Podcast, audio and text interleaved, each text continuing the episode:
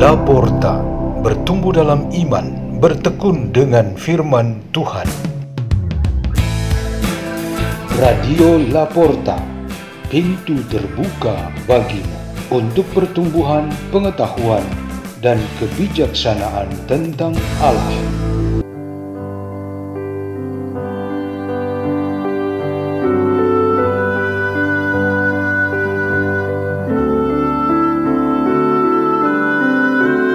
Bacaan, bacaan dan renungan Sabda Tuhan Hari Minggu Biasa ke-17 24 Juli 2022 Dibawakan oleh Pastor Peter Tugan SDB dari Komunitas Salesian Don Bosco Labuan Bajo, Keuskupan Ruteng, Indonesia.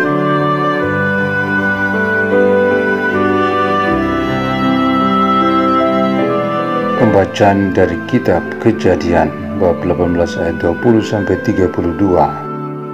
Sekali peristiwa bersabarlah Tuhan kepada Abraham, sesungguhnya banyaklah keluh kesah orang tentang Sodom dan Gomora, dan sesungguhnya sangat beratlah dosanya. Baiklah aku turun untuk melihat apakah benar-benar mereka telah berkelakuan seperti keluh kesah orang yang telah sampai kepadaku atau tidak. Aku hendak mengetahuinya. Lalu berpalinglah orang-orang itu dan berjalan ke Sodom, tetapi Abraham masih tetap berdiri di hadapan Tuhan.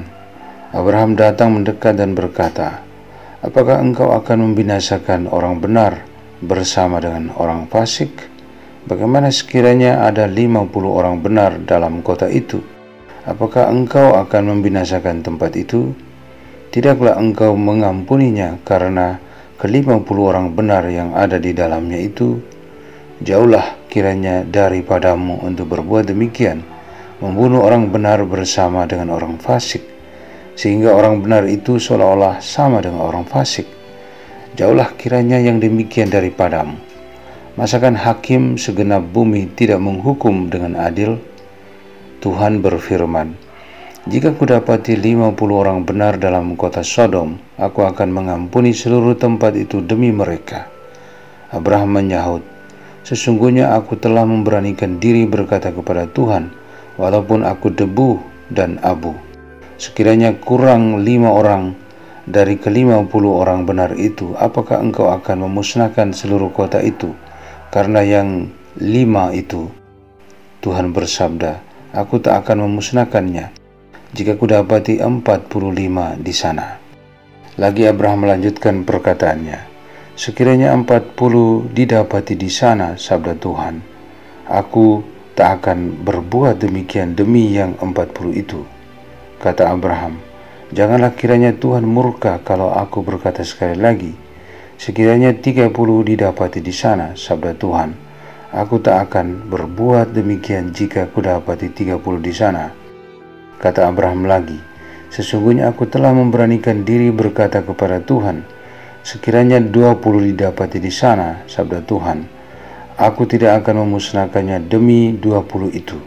Kata Abraham, janganlah kiranya Tuhan murka kalau aku berkata lagi sekali ini saja. Sekiranya sepuluh didapati di sana, jawab Tuhan, aku tak akan memusnahkannya demi yang sepuluh itu. Lalu pergilah Tuhan setelah selesai bersabda kepada Abraham, dan kembalilah Abraham ke tempat tinggalnya. Demikianlah sabda Tuhan.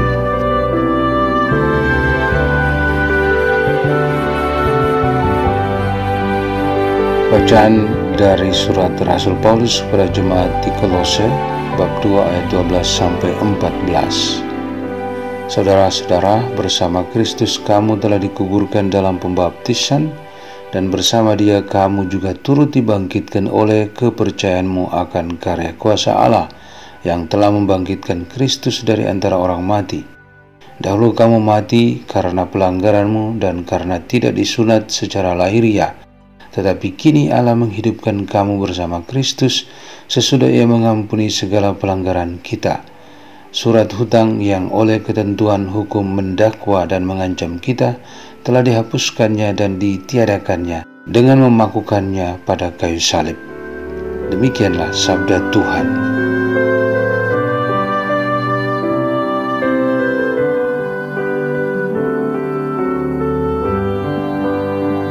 Injil Tuhan kita Yesus Kristus karangan Lukas bab 11 ayat 1 sampai 13. Pada suatu hari Yesus sedang berdoa di salah satu tempat. Ketika ia berhenti berdoa berkatalah seorang dari murid-muridnya kepadanya, Tuhan ajarlah kami berdoa sebagaimana Yohanes telah mengajar murid-muridnya. Maka Yesus berkata kepada mereka, Apabila kamu berdoa, katakanlah, Bapa, dikuduskanlah namamu, datanglah kerajaanmu, berilah kami setiap hari makanan yang secukupnya dan ampunilah dosa kami, sebab kami pun mengampuni yang bersalah kepada kami, dan janganlah membawa kami ke dalam pencobaan. Lalu katanya kepada mereka, Mintalah, maka kamu akan diberi, carilah, maka kamu akan mendapat, ketuklah, maka pintu akan dibukakan bagimu. Karena setiap orang yang meminta akan menerima, setiap orang yang mencari akan mendapat, dan setiap orang yang mengetuk akan dibukakan pintu. Demikianlah sabda Tuhan.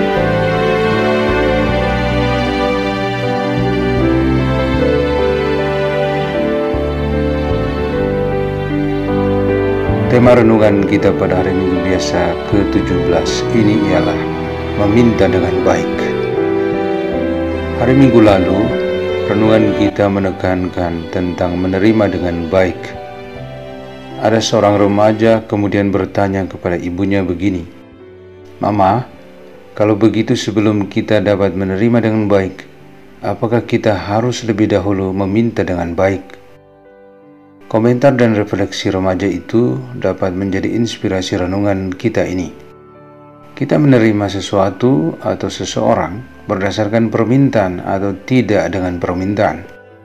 Tanpa permintaan yang kita terima itu adalah hadiah atau pemberian yang cuma-cuma.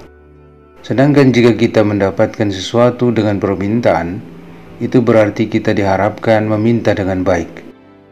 Di dalam bacaan-bacaan kita pada hari ini, kita dapat dituntun untuk meminta dengan baik kepada Tuhan. Paling kurang ada tiga hal di sini tentang meminta dengan baik. Pertama, menyangkut kemendesakan atau kepentingan yang urgen.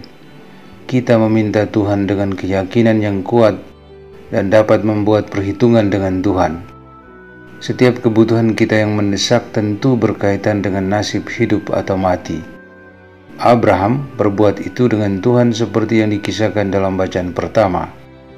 Demi nasib keselamatan jiwa, ketika berhadapan dengan ancaman dosa yang mematikan, kita dapat meminta banyak atau bahkan cerewet seperti Abraham, bahkan mendesak Tuhan untuk berpihak pada kita demi keselamatan jiwa kita.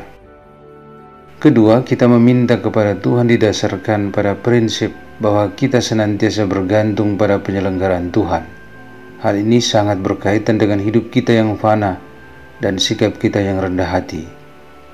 Memang kita memiliki banyak kebutuhan untuk dipenuhi, tetapi kita harusnya bersikap seperti anak terhadap Bapa, yaitu kita pasrahkan hidup kita sambil meminta curahan berkatnya supaya dilimpahi kepada kita. Soal akan diberikan sesuai dengan keinginan kita, jumlahnya banyak atau sedikit, waktunya tepat atau tidak, kita serahkan kepada Bapa.